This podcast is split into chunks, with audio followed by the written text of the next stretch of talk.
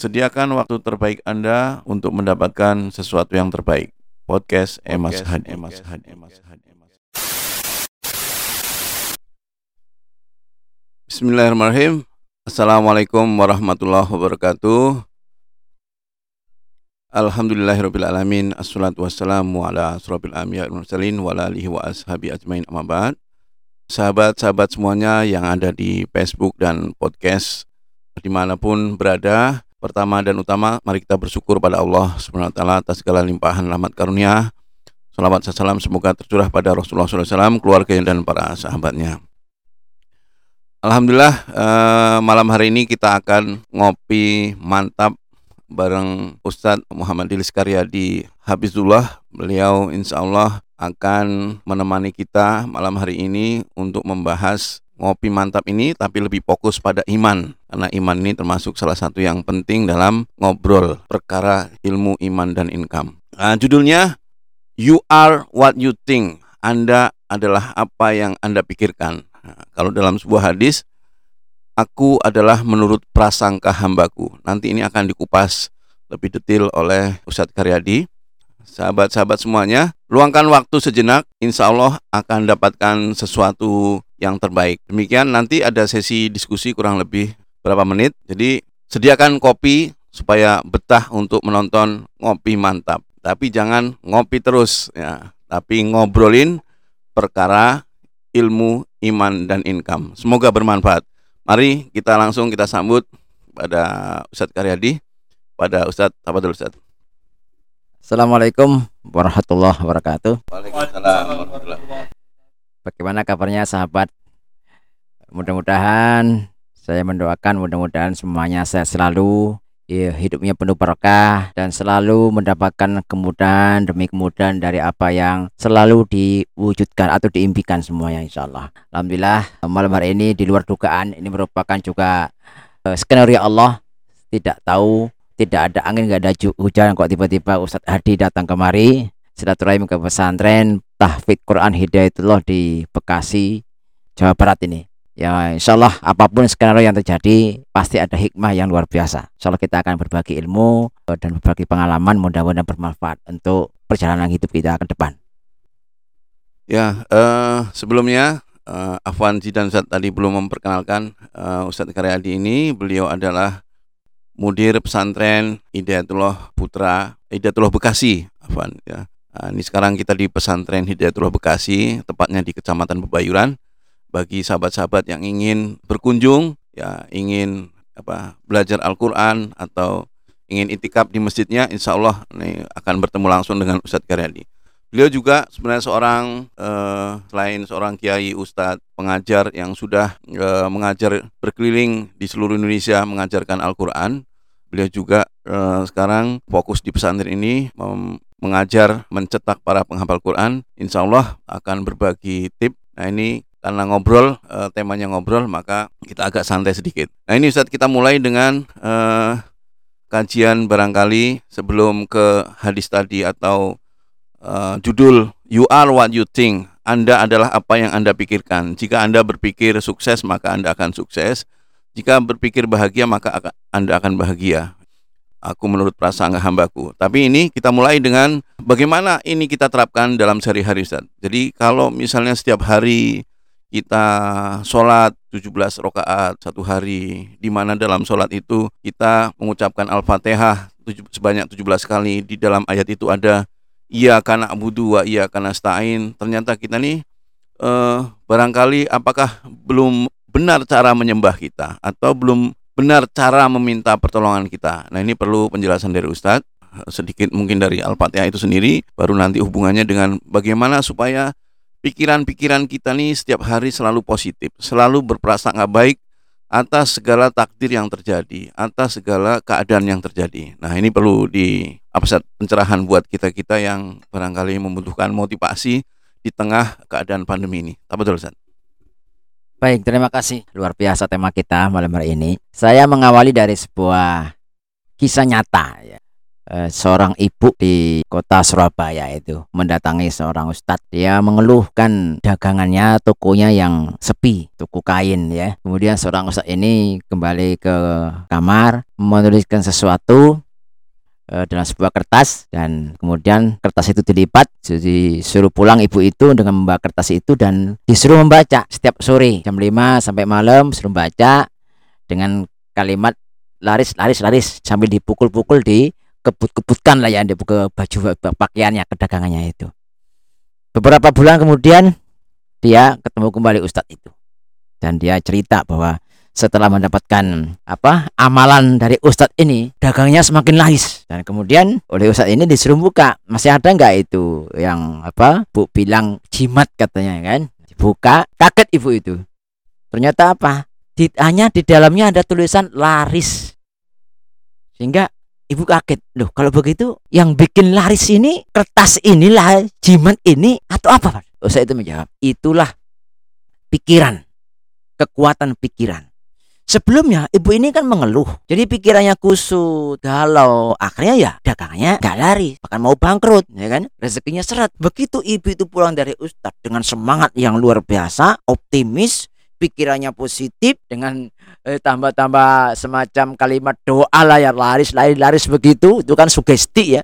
Dan pada akhirnya ternyata benar mengundang rezeki jadi apa yang disampaikan Ustadz Adi itu memang betul. Apa yang Anda pikirkan akan jadi kenyataan. Kalau pikiran kita baik akan baik, kalau pikiran kita buruk akan buruk. Itulah makanya dahsyatnya ya firman Allah SWT dalam surat Al-Alaq ayat 1. Yang ini wahyu pertama yang Allah turunkan kepada Rasulullah Muhammad SAW. Kalimatnya pendek kan? Ikra. Baca. Apa artinya? Mikir. Jadi kalau Anda ingin berubah hidup ini, pikirlah, berfikirlah. Cuma banyak orang yang gak mikir. Ketika dia membaca surat Al-Fatihah saja, kalimatnya karena budu, iya karena stain. Hanya kepadamu kami menyembah dan hanya kepadamu kami mohon pertolongan. Begitu kan artinya kan?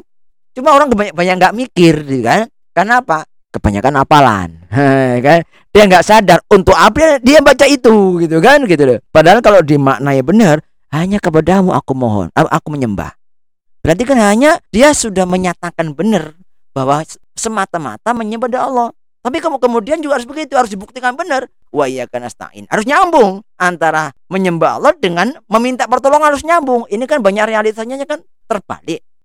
Atau bahasanya itu menyelisih gitu ya. Satu sisi dia menyembah Allah, tiba-tiba ketika dia kepingin dagang laris minta ke dukun. Udah tahu dukunnya miskin dia minta kaya. ini kan salah kaprah ya makanya itu jadi firman Allah ya sederhana ya ikro bismirobik bacalah dengan nama Allah ya. Itu sebenarnya perintah dari Allah agar kita benar-benar menggunakan akal pikiran mengilmui memahami apa yang mau kita lakukan. Jadi itu modal utama ya. Modal utama sukses itu adalah memang pikiran bacaan ilmu yang sering kali kita mengeluh ah Musa nggak punya modal. Justru modal utama itulah pikiran. Kalau pikirannya sudah apa ya udah lemes, sudah apa ruwet, pesimis, ya sudah dia nggak bisa apa-apa. Tapi kalau dia benar-benar yakin dengan modal pikirannya, dia optimis benar gitu kan, dengan kekuatan pikirannya, ibadahnya, rezeki itu datang insya Allah. Ada saja itu solusi yang Allah berikan. Cuma kadang-kala kan kita begini. Nah pada ayat selanjutnya kan, setelah ia karena dua ia karena stain, ihdinas sirotol mustaqim tunjukilah kami ke jalan yang lurus. Yang diminta itu apa? Jalan kan? Ihdinas siroto. Sirot, ya Allah tunjukilah kami ke jalan gitu kan. Terus jalan apa? Sirotol ladina an'am ta'alaihim. Jalan menuju ke nikmat. An'am ta'alaihim. Jalan orang yang hidupnya penuh kenikmatan gitu loh. Jadi bagaimana caranya sukses kayak orang itu gitu loh. Jadi ini di sini ada mengandung mana, mana ya pelajaran gitu. Yang kita minta itu metodenya, caranya. Terus kita mau apa? Maunya saya ya bahagia, hidup berkelimpahan, banyak rezeki kan. Nah, terus caranya gimana? Ini sirot cara itu urusan Allah, bukan urusan kita. Yang penting maunya kita kan an'am ta'alaihim. Kita hidup berkelimpahan. Mana berkelimpahan rezeki. Caranya bagaimana? Itu urusan Allah. Begitu kita itu berdoa itu dikasih usaha ini, wah nggak cocok saya, bukan jurusan saya. Padahal bisa jadi ini cara, ini dari Allah gitu. Cuma kita sering ngeyel gitu kan. Dikasih metode ini, dikasih bisnis ini, dikasih bisnis, bilangnya nggak cocok. Saya kan cuma lulus SD, ah bukan jurusan saya ada saja alasannya itu kan gitu kan. Padahal kan uh, dia doa sendiri gitu loh. Jadi kali doanya itu uh, apa kan nggak dipahami? Yang kedua emang apa ya itu di cancel sendiri doanya. Itu yang membuat dia itu akhirnya ya apa-apa yang dia sampaikan itu selalu mentok terus gitu ya. jadi di sini ketika dia itu benar-benar menggunakan pikiran dengan baik mengilmui dengan baik maka insya Allah pikiran kita itu kan senantiasa apa ya uh, ini memang ada kaitannya ada kaitan antara pikiran, ilmu, bacaan itu kaitannya dengan dengan kualitas iman. Kita akhirnya benar-benar memasrahkan diri kepada Allah gitu ya. Bahwa uh, tidak ada satupun peristiwa di alam semesta ini kecuali memang semuanya pasti atas izin Allah kan gitu kan gitu. Termasuknya kita datang ke sini kan gitu kan gitu kan. Gitu kan? Masih ada izin Allah gitu kan. Kenapa kok malam ini kan? Kenapa gak malam kemarin? Ya atau besok gitu ya gitu kira-kira begitu mungkin sedikit sedikit pengantar ya kan sambil ngopi ya. Ya, baik Ustaz, ya. Ini menarik sekali. Jadi kembali kita akan membahas jalannya. Karena jalan ini banyak orang dibilang banyak jalan menuju ke Roma. Ya, itu menjadi pepatah atau istilah. Tapi kalau kita renungkan, benar gak pepatah ini gitu? Kenapa? Ya jalan menuju ke Roma kalau kita muter-muter sampainya kan lambat, tahu? Sampai ke titik itu cukup nggak waktu kita gitu, usia kita gitu. Jadi ini kaitannya dengan mungkin mencari ilmu juga Ustaz, supaya kita bisa langsung aplikatif ilmu yang didapatkan bisa langsung dipraktekkan menjadi sebuah kekuatan iman dan menjadi merasakan manisnya iman, membuahkan kenikmatan-kenikmatan apa itu rezeki atau income. Ini jalan yang harus kita tempuh seperti apa Ustaz? Di, di tengah terutama saat ini nih keadaannya di tengah kondisi yang pandemi ya banyak tugas-tugas tambahan harus mengajar anak, harus bekerja, harus apa ini, tentu bagaimana supaya meluangkan waktu ini bisa mendapatkan jalan yang tepat. Barangkali itu pertanyaan saya. Uh, saya teringat ini ya dengan kondisi uh, secara global ya karena pandemi banyak orang yang usahanya itu banyak terganggu lah ya gitu ya. Saya teringat diskusi Imam Malik sama, sama Imam Syafi'i. Jadi Imam Syafi'i bilang rezeki itu harus dicari. Kalau nggak dicari kita nggak mungkin dapat rezeki. Terus Imam Malik bilang gurunya ya kan, kan jadi Imam Syafi'i kan muridnya Imam Malik. Imam Malik. Imam Malik bilang nggak perlu dicari, rezeki itu dipanggil. Makanya terjadilah perdebatan dan Imam Syafi'i pulang meninggalkan rumah dan perjalanan pulang dari rumah Imam Malik beliau menemui ada orang yang lagi panen anggur di situlah beliau bekerja membantu panen sore hari pulang kembali lagi ke rumah Imam Malik gitu kan Imam tahu bahwa benar kan Syekh bahwa rezeki itu harus dicari dijemput gitu kan ini buktinya tadi saya itu bekerja pada orang yang panen anggur dan ini saya dapat dapat fee, dapat komisi dan ini sebagian untuk Anda. kata Imam Malik, beliau bilang, kamu juga benar, rezeki itu harus dicari. Tapi saya juga benar, rezeki itu harus dipanggil. Tadi siang, saya panas, mat panas matahari, saya merindukan kali ya, wah enak sekali kalau makan uh, anggur ini ya gitu ya gitu. Tiba-tiba Allah kirim Allah datangkan kamu ke sini lagi bawa anggur. Berarti kan betul sekali rezeki dipanggil juga bisa, dijemput juga bisa. Sekarang dengan kondisi kita saat ini kita harus apa ya kreatif harus cerdas gitu ya. Tidak harus kekeh harus kalau memang selama ini kita keluar rumah mencari rezeki menjemput rezeki dengan kondisi kayak begini kita harus juga nggak masalah kita banting haluan istilahnya kan toh sekarang sudah teknologi canggih bagaimana caranya kita mencari rezeki dengan metodenya Imam Malik yang gitu bagaimana mengundang rezeki itu di sinilah per, per, perlunya atau pentingnya tadi ilmu pikiran tadi ya kan saya lupa ya bahasa Inggrisnya itu apa ya jadi imajinasi itulah satu-satunya cara untuk melawan kenyataan saat ini. Jadi bayangkan saja, ya seakan-akan sudah ada. Dan itu ketarik secara ilmu vibrasi, getaran itu ketarik. Apa yang kita inginkan itu akan menjadi kenyataan. Memang pikiran itu sangat dasar sekali. Makanya hadis Nabi itu yang apa eh, hadis kutsi ya, saya tergantung persakan hambaku. Anak idadon ni abdi. Saya tergantung persakan hambaku. Ini akan berarti kan kita kekuatan imajinasi, kekuatan pikiran, gitu ya. Dan ini kalau kita hubungkan dengan firman Allah surat Ar-Ra'd ya. Innallaha la yughayyiru ma biqaumin hatta yughayyiru ma bianfusihim. Allah tidak mengubah keadaan suatu kaum sehingga dia berubah dirinya sendiri. Jadi kalau pikir pola pikirnya ini enggak dirubah, enggak berubah juga realitas hidupnya. Nah gitu ya. Jadi kalau kepingin realitas hidupnya itu berubah, rubah dulu pikirannya. gitu. Jadi kalau kita kekeh saja mencari rezeki kayak metode Imam Syafi'i ya nggak apa-apa, memang itu pilihan hidup. Tapi kalau kita mau menggunakan dua-duanya itu lebih bagus. Sehingga sebagai orang yang beriman, apa pun keadaan yang ada itu kita sudah nggak perlulah istilah itu nyala-nyalain lingkungan, mengkambing hitamkan orang lain nggak perlulah. Gitu. Itu hanya bikin apa ya perasaan dongkol, pikiran galau, pusing ya kan gitu kan. Jadi eh, lebih baik sekarang kita ini sebagai orang yang beriman kita jadikan sebagai media untuk mendekat pada Allah bahwa memang semua peristiwa yang ada ini apa pun katakanlah sebabnya ibu ini sebabnya orang ini orang ini orang bilang katakanlah yang bilang konspirasi Yahudi segala macam itu apa pun alasannya itu yang jelas kalau tidak ada izin Allah nggak mungkin terjadi ya sebagaimana iblis kan iblis saja ya Tuhan. Izinkan aku untuk menyesatkan seluruh manusia. Ya kan gitu kan? Allah izinkan. Kalau Allah gak izinkan nggak mungkin bisa sesat manusia kan gitu. Tapi bukan berarti pilihan iblis itu benar kan? Jadi artinya apa pun apa yang terjadi ini memang semuanya juga terjadi atas izin Allah ya kan? Tapi kita sebagai orang yang beriman tetap kita harus optimis yakin pasti ada solusi. Nah ya tanpa terasa cukup uh, menarik ini, cukup panjang. Uh, terakhir ini saat pertanyaan, tadi sudah dibahas apa pun yang terjadi atas izin Allah, tapi belum tentu uh, dibenarkan atau diridhoi Allah. Uh, maka ini di pertanyaan terakhir diberikan tip nih saat atau ilmu nasihat bagaimana supaya yang kita kerjakan ini uh, selain mendapatkan izin Allah, dikehendaki Allah dan diridhoi Allah. Ini pertanyaan pendek tapi mungkin jawabannya perlu uh, detail nih Zat, supaya setiap aktivitas kita kita yakini bahwa ini yang saya lakukan adalah insya Allah diridhoi Allah.